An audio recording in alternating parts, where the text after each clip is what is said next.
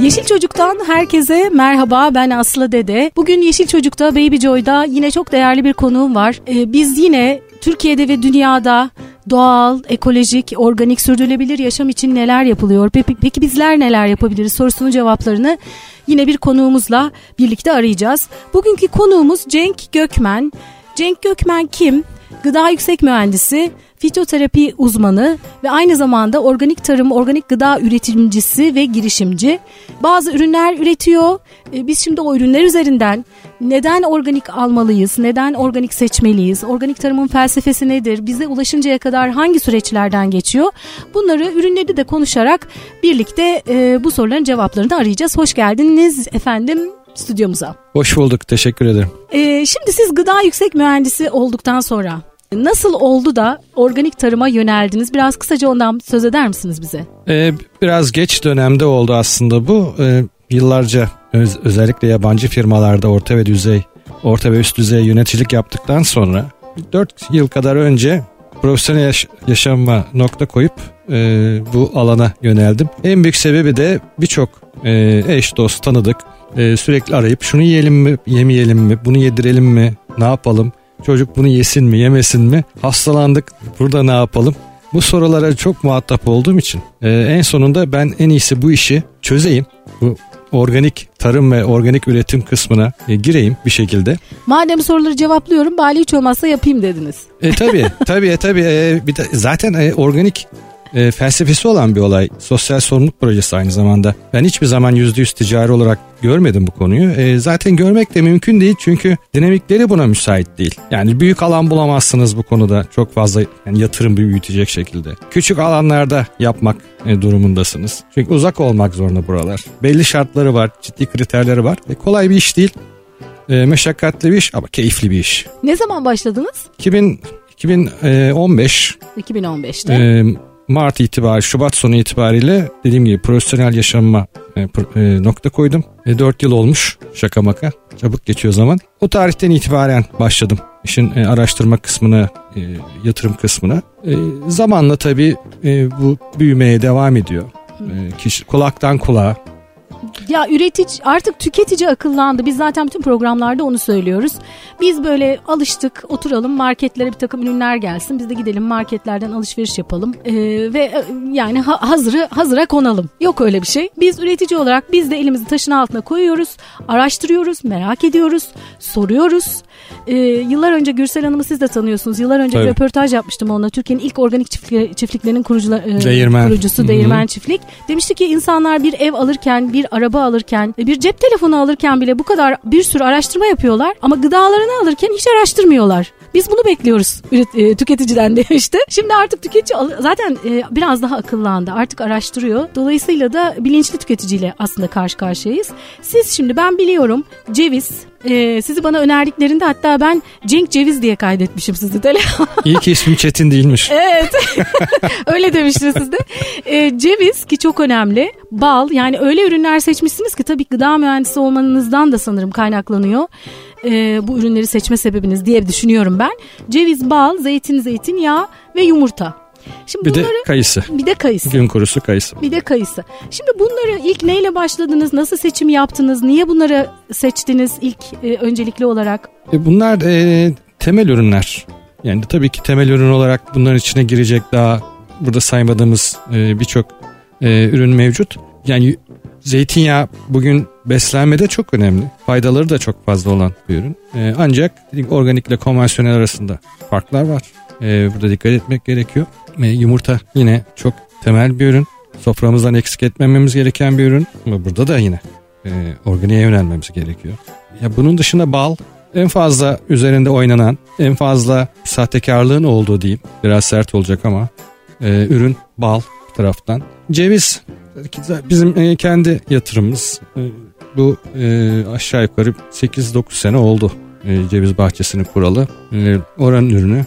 E, kayısı da yine burada cevizle bütünleştirdiğim bir e, ürün. Tabii bunlar e, Böyle Fa- devam farklı edecek. bö- Böyle böyle devam edecek. Bundan önce söylediğinize bir ekleme yapayım. Cep telefonunu bugün kendiniz test edip alabilirsiniz. Çünkü ne istediğinizi biliyorsunuz. Ama gıda alırken bunun analizini yapma şansı yok bireyin. Yani 10 liralık bir şey almak için de 500 liralık analiz ücreti verecek değilsiniz. E tabi. E, Dolayısıyla burada başka kriterler var. Yani bakmak bakmak gereken. Birçok konuda sağlıkla ilgili e, kamu spotları dönüyor. E, ama hiç ben bu konuda bir kamu spotuna rastlamadım. Değil mi? Aslında ne kadar Evet. önemli. E, yani devlet ilaç kullanımını azaltmaya çalışıyor. Hastanelere gitmesini insanların azaltmaya çalışıyor. Ama bunların sebebine inmiyor. Neden insanlar acaba gidiyor hastaneye? Neden?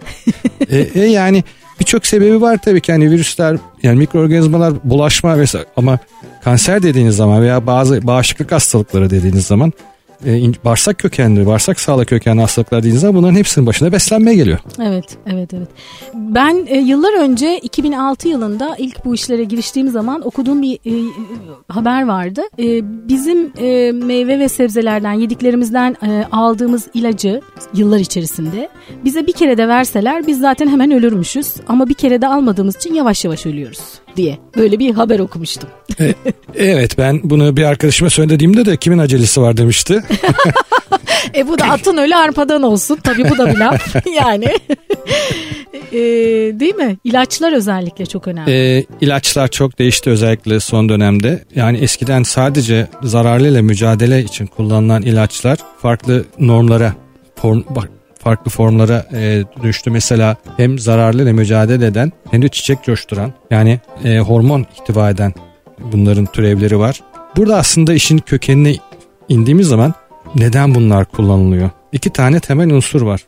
Birisi e, çiftçi Türkiye'de özellikle geçimini tam sağlayamadığı için toprağı da kısıtlı olduğu için bu topraktan maksimum ürün almaya çalışıyor. E, bunun da yolları nedir maksimum ürün almanın? E, daha kuvvetli gübre kullanmak, daha farklı gübreler kullanmak, üründeki kaybı azaltmak, çiçek dökümünü azaltmak, daha fazla çiçek açması, daha fazla meyve vermesi gibi yani sonuçta üretim arttırmaya yönelik e, tedbirler. Diğer taraftan bir baskı unsuru da e, özellikle e, modern satış kanalları dediğimiz zincir marketler e, kanalında daha uzun raf ömrü talebi. Yani 3 ay raf ömrü mesela yetmiyor. O zaman diyor ki üreticiye ki ben bunu bizzat yaşadım profesyonel hayatımda. E, biz diyor bu ürünün diyor raf ömrünü 6 ay istiyoruz diyor. Şimdi raf ömrünü arttırmak öyle e, kolay bir iş değil. E, çoğunlukla da burada başvurulan en kısa yol e, katkı maddeleri. Siz bir gıda mühendisi, yüksek gıda mühendisi olarak bu konuda bayağı bilgi sahibisinizdir diye düşünüyorum. E tabi, e tabi Do- e, doğal olarak.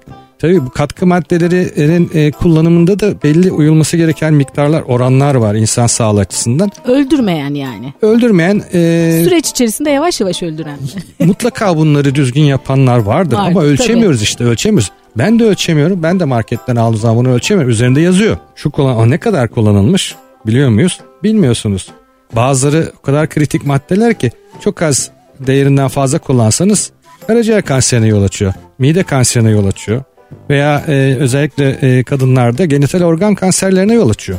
Bunları o yüzden ölçmek mümkün değil. E, Dolayısıyla en iyisine en garanti olan e, sertifikalı organik ürünlere yönelmek. E, burada da yine seçici davranmak gerekiyor. Burada da hikayesi düzgün olan üreticilerle yol almak lazım. E, her gördüğünüz şey veya her e, organik e, adı altında satılan şey organik olduğunu düşünmeyin. E İşte evet ona özellikle dikkat etmek gerekiyor. Biz tüketici olarak neye bakalım seçim yaparken siz ne öneriyorsunuz? Ben e, öncelikle kendim de bunu uygulamaya çalışıyorum. E, marketlerden aldığımız e, birçok e, hazır gıda e, artık sağlıklı olma özelliğini yitirdi. Evet. Çünkü baktığınız zaman 25 senede kanser oranı çok kat ve kat artmış Türkiye'de. Değişen te- e, tek şey nedir? Market. İş hayatımız aynı. Hatta teknoloji ileride de artık evimizden bir işimizi yürütebiliyoruz. Evet. İstanbul trafiğine girmeden. Yani stres özellikle. arttı tabii biraz o da var. Belki biraz şeyden e, rekabetten dolayı artmış olabilir ama değişen temel olarak en fazla değişen şey gıdalarımız. evet. Herkes uzanamaz organiğe. E, gerçek organiğe üreticinin tüketiciye ulaştırma sorunu var. Tüketicinin ulaşma sorunu var. Bir de e, tüketici de bu konuda biraz e, ne diyeyim hani tembelleşti mi zamanım yok. Yani işten, eşten, çocuktan vesaire zamanım yok bilemiyorum. Hani her şey mesela e, önüne gelsin isteyebiliyor. Çünkü gelen getiren var. E, Ama biraz da e, şuna bakmak lazım. Ben sağlıklı beslenmek istiyorum. Kaliteli ve uzun yaşamak istiyorum. Çocuğumun da böyle yaşamasını istiyorum. Diyorsanız bazı şeylere bakmayacaksınız artık yani gerçekten. Ulaşabiliyorsanız gidip alacaksınız. Bu iş e, buraya geldi. Evet. Özellikle çocuklar için geçen hafta e, annem denetimde hesabını yöneten diyetisyen gıda teknikeri e, çok çok sevdiğim dostum Gülden Kılınç Doğan'ın bir semineri vardı. Orada bütün gün e, çok iyi güzel bilgiler edindik açıkçası. Özellikle sezaryen doğumların son dönemde e, artmasıyla birlikte işte çocukların bağışıklığının yeterince güçlü olmaması, gıdaların da bunun bozulmasıyla birlikte birçok hastalık e, çocukların şu anda birçok işte alerjik reaksiyonlar, MS, otizm, otizm vesaire gibi hastalıklarla karşı karşıya olduğuna dair özellikle değinildi. Fazla. Evet. O yüzden de yani hem zaten çocuklar doğarken o bağışıklığı alamıyorlar. İşte vajinal Şimdi geç, gerçekle- geç hamilelik, için. geç hamilelik, yapay döllenme e, gibi şeylerde biraz daha çocukların problemi fazla olabiliyor. E bir de işte gıda da buna eklenince o yüzden bir- birçok sorunla karşılaşabiliyor e, anneler babalar.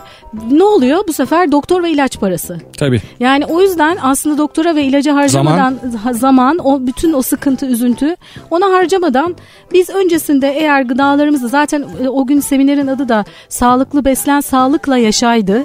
Yani eğer besinlerimizi e, değiştirirsek ya da iyi beslenirsek sağlıklı beslenirsek zaten sağlıkla yaşayabiliriz başka etkenler olmazsa. E, şimdi siz e, ilk önce cevizden başlayalım mı? Önce cevizden mi başladınız siz? Önce zeytinyağı, e, bal, yumurta. Heh, ze- o zaman ilk önce zeytin ve zeytinyağından bahsedelim mi? Çünkü biz sizinle biraz sohbet ettik. Siz bana demiştiniz ki e, zeytin e, sadece bir ara yıkama işleminden geçiyor. Onun dışında başka hiçbir işlemden geçmiyor. Dolayısıyla eğer toksin varsa, ilaç varsa değil mi? Böyle bir şey Tabii tabii ya, anlatmışsınız. ya, e, şimdi şu var e, faydalı olan zey- zeytinyağı. Zaten sızma zeytinyağı. E, burada da özellikle soğuk sıkım önemli. E, içindeki faydalı maddeleri kaybetmemesi açısından. Bir de e, zeytinyağının asidite yani asit oranı çok önemli. Bu artık ben dikkat ediyorum marketlerdeki market ürünlerinde yazmıyorlar bile e, birçoğunda.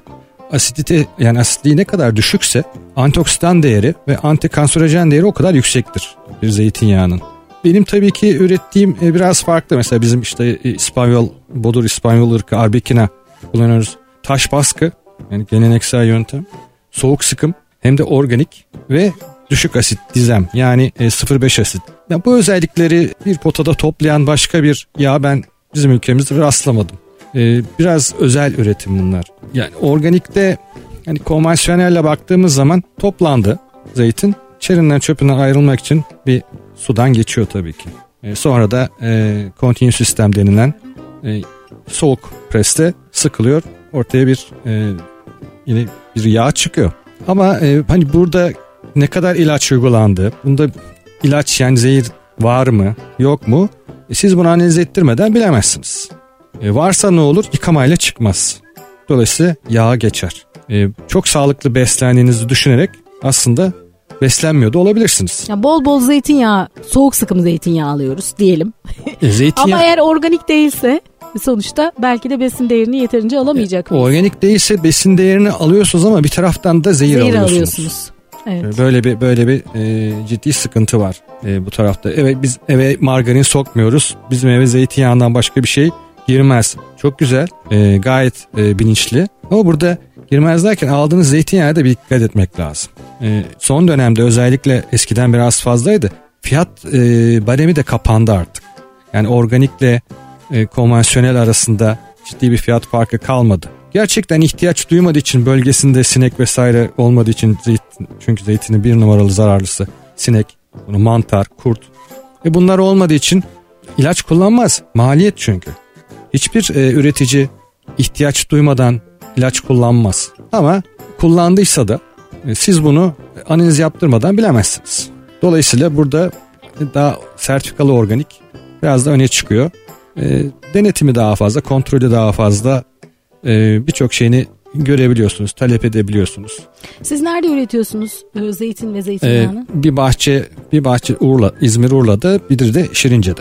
Şirince ve İkisi de. İzmir'de. Peki e, zeytinyağı alırken o zaman nelere dikkat edeceğiz? Bir kere bir de biliyorsunuz işte sızma, Riviera yani ra- rafine işlem görmüş zeytinyağları da var değil mi?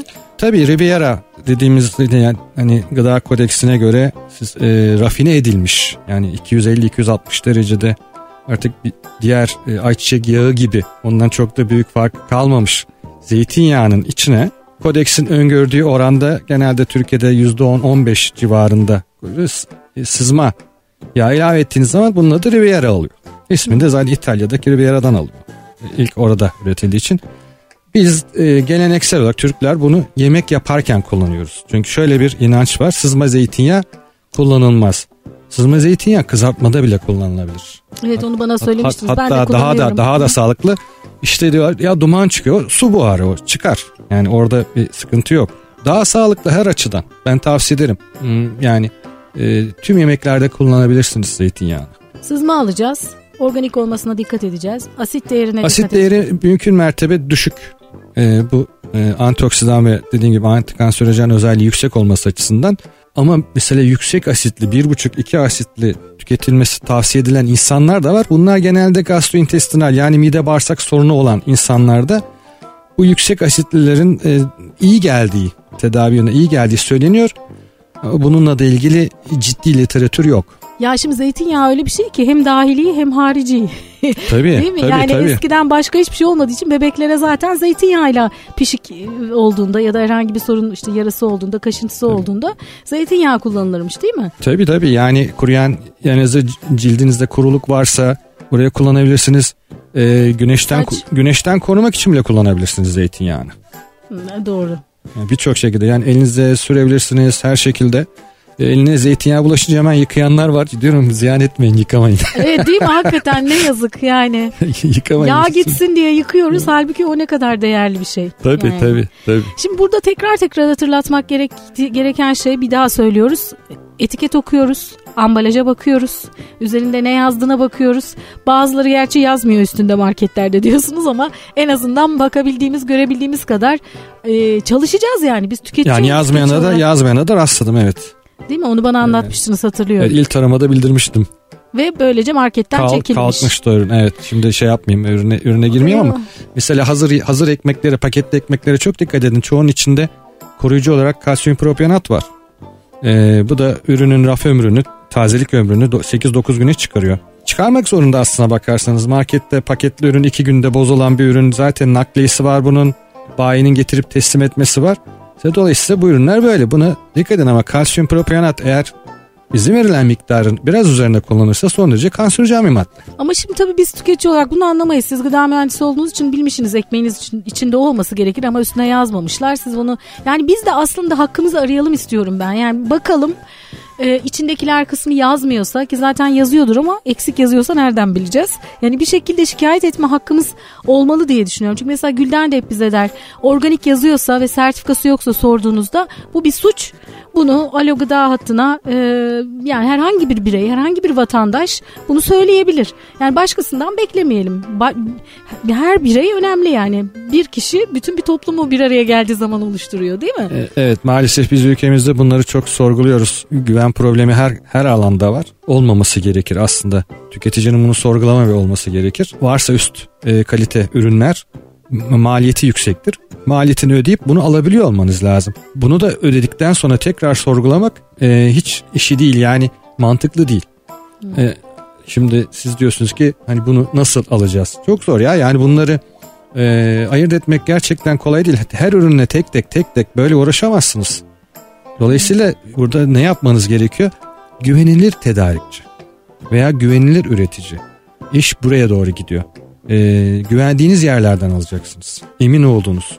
Kuşkulandığınız zaman şikayet edebilirsiniz. İlla ki bir şey kanıtlamanız gerekmiyor. Ya bir de şöyle bir inançsızlık Ya, oluşmasın. Pardon mesela yufka aldınız. Yufka dediğiniz şey 5 günde dolapta bile küflenir. Aldınız koydunuz dolaba unuttunuz bir ay geçti küflenmedi.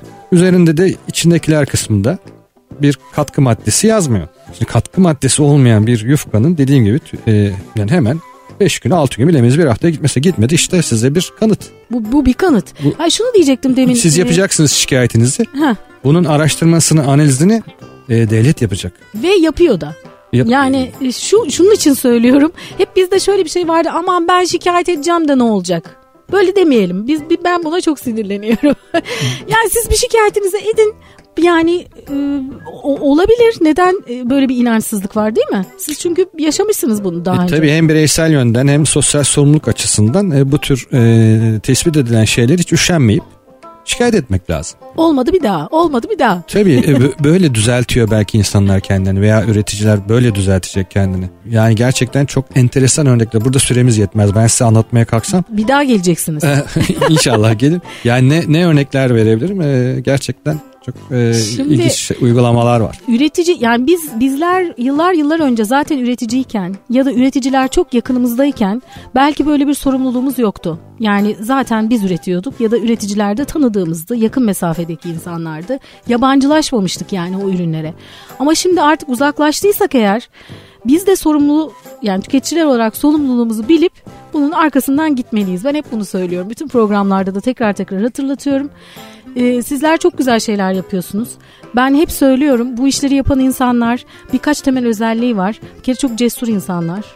Ee, yani cesaret isteyen bir iş çünkü bu e, organik tarım. Ben de yıllardır içinde evet, fazlasıyla fazlasıyla evet. İnatçı olmak gerekiyor e, yılmamak gerekiyor. Çünkü yılınabilecek bir şey. Yani yıllar önce bana da çok işte e, bu iş yani ne gördüm ki girenler sonra da çıkanlar oldu. Büyük bir romantik e, bir duyguyla işte hevesle girip inançlı olmak gerekiyor. Yani olaya gönülden inanmak gerekiyor.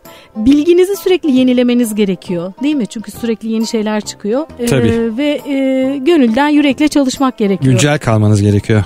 Her evet. zaman. Evet o ben o yüzden organik tarım yapan, organik tarımla ilgilenenlere çok çok çok çok teşekkür ediyorum.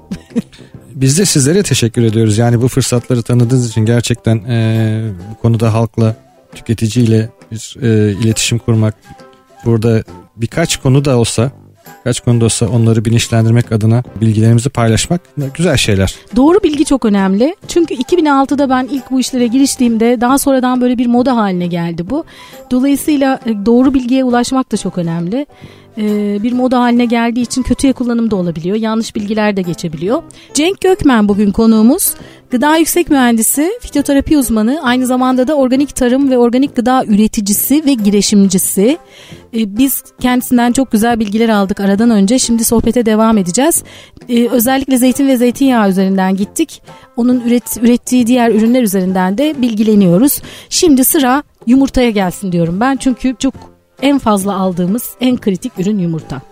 Birçok kişi bence son dönemde organik almaya başladı yumurtayı. Ben de buna e, şahit oluyorum. Almaya almaya başlayanlar var. Evet biraz daha bilinçlenenler var bu konuda. Şimdi fark ne? Yani burada konvansiyonel üretim dediğimiz yani daha endüstriyel üretim e, çiftlikte çok dar alanda tamamen yapay demeyeyim de organik olmayan yetiştirme tarzı ürünlerle beslenen, yemlerle beslenen tavuklar var. Yumurta tavukları. Bir gezen tavuk var. O zaten artık şey oldu. O ayrı bir organik değil ama gezen. Geziyor sadece geziyor. Sadece geziyor. Organik beslenmiyor. Bir köy yumurtası diye bir şey var. Evet. Ee, böyle işte çamura bulayıp sa- saman içine koyunca pazarlarda falan adı oluyor köy yumurtası. Zaten köyde yetişiyor bunların. Şehir yumurtası diye bir yumurta yok. Yani hepsi, hepsi köy yumurtası. E, tabii bizim de alerjik olduğumuz tabirler var. Yani köy gibi, doğal gibi vesaire. Bir de organik yumurta var. Şimdi organik yumurtanın esprisi öncelikle şu. E, mesela e, izin verilen kümes büyüklüğü maksimum 3000 adet. 3000 e, civcivle başlayabiliyorsunuz. Ve civciv başına 4 metrekare organik toprağınız olması gerekiyor. Kümes alanıyla beraber aşağı yukarı 13 dönüm demek bu bir kümes için. Ve sertifikalı organik olacak e, gezecek. Bütün gün dışarıda. Kümesin esprisi de e, gece sansar, tilki vesaire hayvanları korumak. Bir de tabii ki içeride yumurtlamalarını sağlamak. Yumurtaları toplamak kolay olsun. Yumurtlamıyorlar zaten gidip yoncaların arasında da yumurtluyorlar. Biraz e, tavuklar kafasına göre takılır. Çok fazla öyle şey yap, eğitemezsiniz. E, öyle bir şansınız yok. Yani e, organikte kullanılan yem önemli. Tamamen e, temel olarak e, buğday, mısır ve soya kullanıyorsunuz ve bunların organiğini kullanıyorsunuz. Kulağınız yem yine sertifikalı organik. Peki organik olmazsa ne oluyor konvansiyonelde? E işte oradaki bu tarz ürünler mesela GDO'lu bir kısmı. Özellikle mısır, soya. Mesela Türkiye'de işte onu özellikle ben. soya, soya yani yani organik soya bulmak da zor. Yani bulabiliyor musunuz? Ge, Türkiye ithal zaten. İthal geliyor. E, mesela e, organik yumurtadaki maliyet artışları dövize çok bağlıdır. Bu da yemden kaynaklanıyor. Özellikle... Yani tavuğu aldınız serbest gezdiriyorsunuz onda sorun yok. Etrafta organik tarım yapıyorsunuz değil mi? Belki onun da etkisi var. Tabii. Ama bütün bunları hallettiniz. Yem konusu özellikle önemli. E tabi zaten yedi önemli. Tabii. Yedi önemli. Yani antibiyotik vermiyorsunuz bunları. E, tamamen organik e, yemle besleniyor. Ve bütün gün geziyor. Eşeleniyor. Orada ne bulursa yonca, yon, organik yonca var e, ikili alanda kümeste. Onları yiyor. Dediğim gibi her şeyi her şey organik ve hareket halinde. Konvansiyonelin farkını yediği organik değil. Muhtemelen yediği yemler GDO'lu. Bu yediği GDO'lu yemin insana etkisi nedir araştırmalar sürüyor mu? Kesinlikle şudur diyemem ben. Yani bu işin e, içinde olan birisi olarak kesin olarak söylemek mümkün değil. Ama birçok e, GDO'lu ürünlerin çok fazla yan etkisi olduğu, sırlaşmaya neden olduğu gibi çok e, şeyler var. Çalışmalar, bazı sonuçlar, bazı iddialar, hipotezler diyeyim. Bunlar mevcut. Yani gezen tavuk bile, gezen tavuk yumurtası bile bunlardan daha iyi hiç, hiç olmazsa geziyor. Yani bunu evet en azından gezer. Şimdi biz çünkü markete gittiğimiz zaman bir sürü alternatif görüyoruz. Kafası karışıyor tüketicinin de. Yani bir organik var tamam organik deyince diyoruz ki tamam gönlümüzün rahatlığıyla üstünde organik sertifikası var, sertifika numarası var. En azından en gönül rahatlığıyla onu alabiliyoruz markete gittiğimizde. Şimdi bir de yumurta çok sık tüketiliyor. Sık sık bulmak da zor. Belli bir üreticiden sürekli alacaksınız. Onda da kalmazsa ne yapacaksınız? Eskiden ne yapılırmış onu da bilmiyorum. Eskiden yani e, belli sayıda yumurta üretiliyordu. Bu kadar çok alternatif yoktu zaten. Ama işte gün koşulları bilmiyorum. Hani sonuçta gidip marketten aldığınız zaman diyelim ki üreticiniz de o anda bulamadınız. Markete gidiyorsunuz organik olanı rahatlıkla alabilirsiniz. Ama onun dışında doğal yazan var, serbest gezen yazan var. Bir sürü alternatifler var. Ee, serbest gezen en azından görece daha iyi diyebilir miyiz? Gerçekten geziyorsa. Ha, onu nereden bileceğiz tabii. Bilemeyiz. Hakikaten o ambalajın üzerine neye göre koyuyorlar gezdiğini serbest ya Şimdi gezdiğini? organik olduğu zaman sertifikasyon kuruluşları var. Siz buradan e, bedeli karşılığı tamam, sertifika alıyorsunuz. Yani ama onun size bedelini verdiğiniz diye verecek diye bir şey yok. Bunun şartları var. Geliyor, görüyor, bakıyor, inceliyor, analizler yapılıyor. Toprak analizi, ürün analizi buna göre e, siz sertifikanızı alıyorsunuz ve her sene yenileniyor bu. Tamam onu biliyorum ama bu işte cage free işte kafes öyle bir de öyle yazanlar da var. İşte onu nasıl yazıyorlar o etiketin üstüne? Siz gıda mühendisi işte olarak size sorabilirim. İşte e, onu onu sertifikasyon firmalarından değil de tarımdan tarımdan iznini alıyor onu. Ha, tarım yine onu bakıyor. Serbest gezip gezmediğine bakıyor. Tamam bunlar serbest geziyor dedikten sonra ambalajın üzerine onu yazabiliyor. Öyle midir? Yazıyor evet. Yani aslında onun gerisinde öyle bir şey işliyor. Ya bunlar e, enteresan konular. Yani Prosedür evet, olarak. Evet, yani geziyor. Sürekli geziyor mu? Gez, sürekli bunların gezmesini sağlayabiliyor mu? İşte bunları an be an kontrol edemiyoruz ki. Fakat öyle olduğunu iddia ediyorlar. Tarımda buna izin vermiş. O da e, yazmış üzerine. Güvenmek durumdayız. Peki doğal deyince ne oluyor? Bir de bazı yumurtaların ambalajında da doğal yazıyor. O çok büyük bir muamma işte. İşte onu biliyorum ben de. Hayır ben de çok yıllar öncesinde çünkü ilk bu işe giriştiğim zaman 2006 yılında Organik Tarım Kanunu ve yönetmelikleri okumuştum. Tabii çok değişti o süreç içerisinde. Orada diyordu ki ekolojik, biyolojik, organik bunun üçü aynı anlama gelir bu e, diyordu ama doğalla ilgili hiçbir tanım yoktu yasal bir düzenleme. Şey, Şimdi galiba e, çalışılıyor üzerinde Ekolojikle ama... organik aynı anlama gelmez. Hı hı. Ekolojik tarımın şartları var. Ekolojik tarım içinde izin alıp üzerine bu bir iyi tarım ürünüdür diye yazabiliyorsunuz. O daha farklı bir şey. Ee, ama organik e, işin iyice bir ucu aslına bakarsanız e, doğal organiğin de üstündedir. Gerçekten doğal. Çünkü doğal şu demek. Hiçbir şekilde müdahale edilmeden, hiçbir şekilde müdahale edilmeden. E, örnek bizim ballarımız mesela.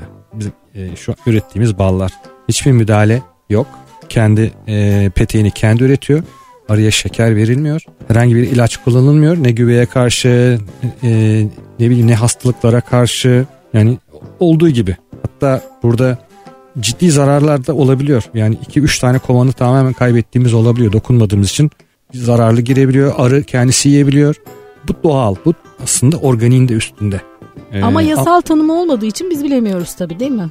E, organik ürün e, şey, doğal ürün e, çok az yani çok az. E, bir de e, gerçek doğal ürüne ulaşmak isterseniz maliyeti yüksek olur. Çünkü şeyi çok. Firesi çok. Ama şu anda birçok ürünün üzerinde doğal yazıyor markete girdiğinizde. İşte tabi o, o terim karmaşasından kaynaklanıyor. Ama onunla ilgili de sanırım bir düzenleme var. O yani geçici bir şeyler yakında. yapmaya çalışıyorlar. Evet uğraşıyorlar e, burada. Hatta belki e, şimdi e, bakanlıkta da e, bu tür bazı çalışmalar var. Bana da bunun haberi geldi. Bir bilgi paylaşımında bulunabilir miyiz?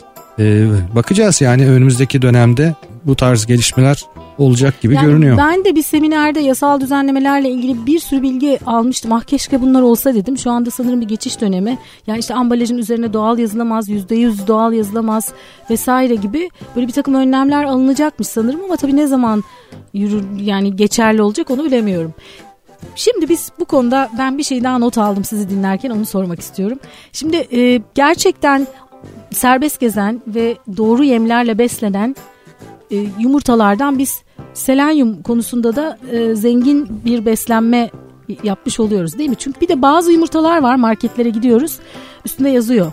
İşte selenyum katkılı ya da bir şey tam bilmiyorum öyle kocaman yazıyor. Organik değil ama üstünde öyle Yeme yazıyor. ilave ediyorlar. Nasıl yapıyorlar onu? E, yeme selenyum, selenyum ilave ediyorsunuz. Yemine. Evet mesela e, omega 3, omega 6 takviyeleri bunlar kimyasal olarak da mümkün, doğal olarak da mümkün. Mesela biz e, bir çörek otu yağı, e, keten tohumu bunları soğuk pres olarak sıkıp bunların yağlarını da kullanıyoruz. Küspesini de tavuğa yediriyorsunuz mesela. Tavuğun yemine katıyor. E ne oluyor? Tavuğun yumurtasındaki omega 3, omega 6 oranını siz zenginleştirmiş oluyorsunuz. Biz bunu organik doğal yönden yapıyoruz. Bunu endüstriyel olarak üretenler e, işte bizim ürettiğimiz yumurtanın miktarıyla endüstriyel üretimin yanında lafını edemezsiniz. Evet. Yani oransal olarak. E dolayısıyla orada ne yapıyor? Yem fabrikası yemi üretirken silolar bunun içine belli miktar katıyor bu e, zenginleştirici maddeleri. Yemi katınca o tabii yumurtaya da geçiyor. Ya şöyle düşünün çocuklar için üretilen mesela mamalarda gıdalarda demiyor mu işte bunun içinde C vitamini var bunun içinde e, A vitamini var bu şöyle zenginleştirmiş mineral yönünden zengin vitamin yönünden zengin. Bu da tavuğun işte yiyeceği bu da omega'da zengin işte selenyum ilaveli gibi. Organik e, üretimde tabii ki kendi oluşturduğu selenyum miktarı daha fazla. Yavaş yavaş sürenin sonuna doğru ilerliyoruz. Ben de soracağım bir sürü soru var. Artık bir dahaki sefere diyorum. Şimdi bala girelim. Balı nerede üretiyorsunuz? Demin birazcık girdiniz bala. E, bal e, tabii başlangıçta tek lo- e, tek lokasyondaydı, tek e, yerdeydi. Artan taleple beraber şu anda 3 konumda üretiyoruz. Birisi Toroslar'da, Antalya, birisi Kars, e, bir de Manisa'da. 3 farklı yerde e, kovanlarımız var. Evet. Ee, Peki bir de cevize girelim mi? Balla ilgili söylemek istediğiniz başka bir şey var mı? Evet evet bal çok önemli. Bala dikkat etmek lazım. Bir defa programın e, hedef kitlesi de olduğu için özellikle söylüyorum 1 yaşına kadar olan çocuklara bal vermemek gerekiyor. E, ne de olsa e, alerjik özellik taşıyan bir ürün. Evet. E, buna dikkat edelim e, çocuklara özellikle yedirirken. Yani balda şimdi peteğini hazır petek kullanan var üretirken. Maliyet daha düşük çünkü defalarca kullanabiliyorsunuz. E, lider kullanıp onun üzerine peteği ürettiren var. Ama en önemli iki tane unsur. Birincisi tamamen şeker havuzları var. Arı hiçbir yere gitmiyor. Dibinde kovanların. Oradan şeker alıyor geliyor, şeker alıyor geliyor. Dolayısıyla bildiğiniz sizin çaya koyduğunuz şekerin dışında hiçbir faydası olmayan tam tersi zararlı bir olay. Ne diyoruz? Şekerden kaçın diyoruz mümkün mertebe. Balda şeker yok mu? Tabii ki var. Yani fruktoz glukoz bileşimi. Ama balın asıl faydası o %2'lik bir kısmı var ki amino asitlerin, fenolik maddelerin olduğu e, işte faydası e, göreceğimiz yer orası. Bu da tamamen doğal üretimde mümkün. Yani mesela antibiyotik bile antibiyotik atıyorlar üzerine. Siz bunu direkt yiyorsunuz. Evet. Hani bal alırken çok seçici davranmıyorsunuz ama tavuk yemiyorsunuz mesela. Niye tavuğu tavuğa antibiyotik veriyorlar? Şimdi antibiyotik tüketmiş bir organizma tavuk. Diyelim ki onu yediğiniz zaman türevini yemiş oluyorsunuz. Balda direkt alıyorsunuz bunu. Güvelenmesin diye polenlerden de güvelenmesin diye ilaç atılabiliyor. Ee, dolayısıyla dikkat etmek lazım. Bir de şu var gerçekten. Bugün eğer siz e, piyasada 50-60 liraya 70 liraya gerçek bal aldığınızı zannediyorsanız yanılıyorsunuz. Çünkü yani bugün itibariyle bunun üreticisinden yani doğal bal, doğal diyorum bakın. Organiğin de üstündedir bu. Doğal bal mümkün değil 80-85 liradan aşağı üreticiden çıkmaz bu. Çıkamaz. Bunun nakliyesi var. Bunun ambalajı var. Bunun e, satıcı karı var eğer aracı yoksa. KDV'si var bilmem. Koyun bunları üzerine. Yani minimum 120 liralar gibi bir rakamlara ulaşırsınız. Tabii şeye hiç girmiyorum o ayrı konu. Ama 20 liraya da bal var al, alınıyorlar ama mesela. Yani şuna hiç girmiyorum neden bunlar eskiden bu kadar pahalı değildi de şimdi pahalı onu hiç sormuyorum. E, maliyetler çok artıyor durmadan artıyor e çünkü maliyetler. konvansiyonel ürünler de e, fazlalaştığı için ya da yapan azaldığı için vesaire gibi sizin gibi üreticiler girişimciler çoğaldıkça süreç içerisinde bunların e, fiyatlarına da yansıyor. Bu ben biliyorum çünkü özellikle zeytinyağında siz söylediniz. Ben de 2006 ile karşılaştırıldığı zaman gerçekten çok olumlu gelişmeler var zeytinyağında. Şimdi ben çok kısaca cevize de girelim istiyorum çünkü o çok önemli. Hı hı. E, ceviz nasıl organik oluyor? Bizimki iyi tarım ürünü. Ekolojik ürün ceviz. Yani bir tek ceviz gibi öyle. E, organik de yapabilirsiniz. Önce toprağınız organik olacak. Cevizi ekmiş oldunuz. Ki bunun 3 yıllık bir geçiş süreci var. E, sonra kullandığınız e, gübre organik olacak. İlaç ihtiyacınız varsa kullanmanız gerekiyorsa bunun da organik sertifikasyon izin verdiği organik ilaçlar olması gerekiyor. Cevizde çok ilaç gerekiyor mu? Yani e, kabuk kurdu denilen veyahut da iç güvesi denilen birkaç tane zararlısı var e, veya mantar gibi.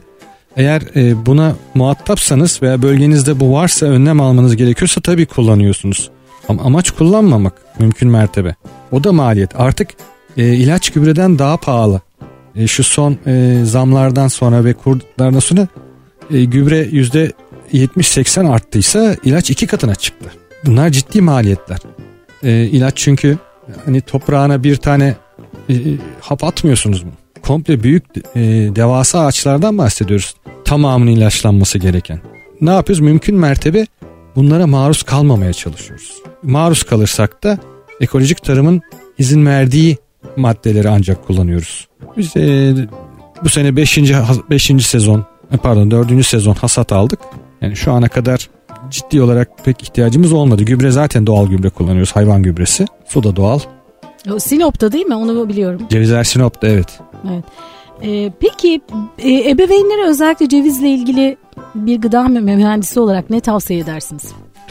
E, kesinlikle günlük diyette olması gereken bir ürün. Ne ee, kadar, kalp, ne kadar kalp damar kalp damar sağlığı, beyin sağlığı açısından e, her gün yiyorsun yiyebiliyorsanız ki şu var her gün almanız gerekiyor e, omega desteği açısından da. Ben iki gün yemedim e, üç gün üç günlük yiyeyim bu mantığı olmuyor. bunun bunun bir mantığı yok. E, günde günde beş tane kadar günde beş tane kadar yeterli biraz kiloyla da e, vücudun ihtiyacıyla da e, orantılı. Hani daha narin kadınlar için söylüyorum narin erkekler narin kadın 4 tane de yetebilir. Ortalama biz diyor ki 5 tane günlük e, kabukluğundan bahsediyorum tabi. İç olarak tüketirseniz de işte 25 gram kadar yeterli. E, çok fazla da çok fazla da tüketmemek lazım. Sonuçta yağ içeriyor. Hmm, yani vücudun yağ dengesi ve kilo dengesi açısından da böyle avuç avuç avuç avuç tüketmek de iyi değil. Çocuklara verilmesi açısından Tabii ki. ne düşünüyorsunuz? Tabii çocuklar için de çok iyi. Nasıl verelim? Ya arterioskleroz denilen damar sertliği vesaire 10 yaşında başlıyor. Öyle mi? E tabii 10 yaşında başlar. İşte burada belki çok küçük yaşlarda olsa da olur olmasa da olur diyebilirim bu yönden kalp damar sağlığı açısından. Çocuklar kek sever. Hani bu tarz e, kekti, e, kurabiyeydi, bununla verebilirsiniz. Önemli olan şu var. E, yiyor mu acaba? Hayır, o kekin kurabiyenin içerisine girdiği zaman e, besin değerinden kaybeder mi acaba? E, yok. Öyle e, ısıyla. Şimdi içinde olduğu için yani asıl ısınan dış içeriye o kadar ısı gelse zaten içi yanar. E, o ısı içine çekse siz 170 derecede fırında diyelim ki bir şey pişiriyorsunuz. E, 170 derece içine onun tamamen o süreçte etki etse e, zaten o ürünü alamazsınız. O kadar da e, bir etkisi olduğunu ben düşünmüyorum. Cevizi öneriyorsunuz. Bir de kayısımız kaldı. Kısaca en, en, en, en, tabii çiğ tüketmek de her zaman için en daha, güzeli. en güzeli. Evet. evet en güzeli. Hatta suyun içine bile ıslatabilirsiniz akşamdan. Sabahleyin suyunu da içersiniz o da faydalı. Aa, bu çok önemli. Suda bırakacağız. Akşam e, mesela sabah 4-5 tane yiyeceksiniz onu akşam suda bırakın. E, sabahleyin e, suyun için kendisini de yiyin. Tamam bu da güzel.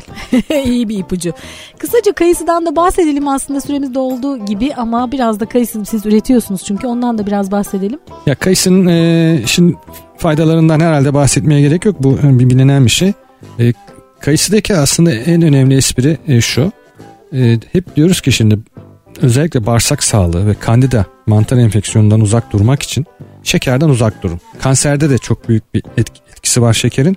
Besliyor çünkü kanser hücrelerini. E, artı e, damar sertliğine yol açan da aslında şekerdir.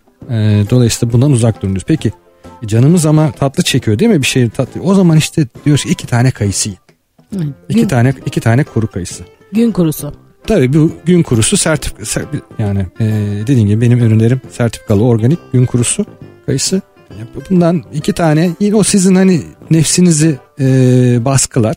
Hani şu an bir pasta olsa yesem of bir baklava olsa yesem hani bunlardan uzak durmak istiyorsanız ama bir taraftan da böyle içinizden hani bir kaşıyorsa bir şeyler böyle çıkıyorsa hani iki tane kayısı yiyin. Peki kayısı nerede üretiyorsunuz? Malatya'da. Ya, memleketinde. Memleketi, memleketinde, memleketinde onun üretimi ee, ve Türkiye'de çekirdeğini sonradan çıkaran belki de yegane üretimler üretim şekillerinden birisi. O bu. ne demek? Onu bilmiyordum ben şimdi. Yeni öğrendim onu. Çekirdeğini çekirdeğini sonradan çıkarırız ki çünkü e, önceden çıkardığınız zaman dışarıya çıkan e, şeker, sızan şeker e, böcek çekebiliyor. Hmm. E, işçilik açısından baktığınız zaman biraz daha meşakkatli. Vurduktan çünkü o tazekin daha kolay. Biraz e, dediğim gibi burada farklı yöntem izliyoruz. Ama e, güzel bir üretim aldı o. Çok çok lezzetli, çok güzel bir e, kayısı çıktı ortaya. Çok güzel. Ellerinize sağlık. Peki Cenk Bey size ulaşmak isterlerse nasıl ulaşacaklar? Bana ulaşmak isterlerse e, mail adresim üzerinden ulaşabilirler. Verelim mi? E, tabii mahsuru yok. Evet mahsuru nedir? C, C, C Gokmen nokta, nokta yok. C Gokmen at superonline.com C Gokmen yani Cenk Gökmen adınız ve soyadınız C e, Gokmen. Yani et, ismimin süper... baş harfi C. Aha. Arada o, nokta yok. Ha, nok, nokta olarak yok. soy ismim Gokmen superonline.com üzerinden ulaşabilirler evet. ya da bize Yeşil Çocuğa ulaşsınlar biz size yönlendirelim. Memnuniyetle. Verdiğiniz değerli bilgiler için ve emekleriniz için çok çok çok teşekkür ediyorum size. Sağ olun, var olun. İyi ki varsınız. teşekkür ediyorum. Sizler de iyi ki varsınız. İyi ki bu fırsatı verdiniz. Biz her zaman hazırız tüketiciyi bilinçlendirmek için. Biraz e, faydamız dokunsun. Evet evet siz çok da güzel anlatıyorsunuz. Biz ben sizi tekrar bekliyorum. İnşallah.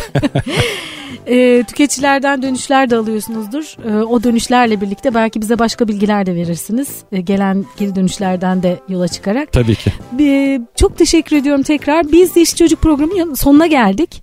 Bize nasıl ulaşabilirsiniz? yeşilçocuk.com yazarak web sitemize ulaşabilirsiniz. Ya da sosyal medyadan Yeşil Çocuk yazarak bize ulaşmanız mümkün. Ben Aslı Dede, Baby Joy'da Yeşil Çocuk programında yeniden buluşmak üzere. Yeşil kalın.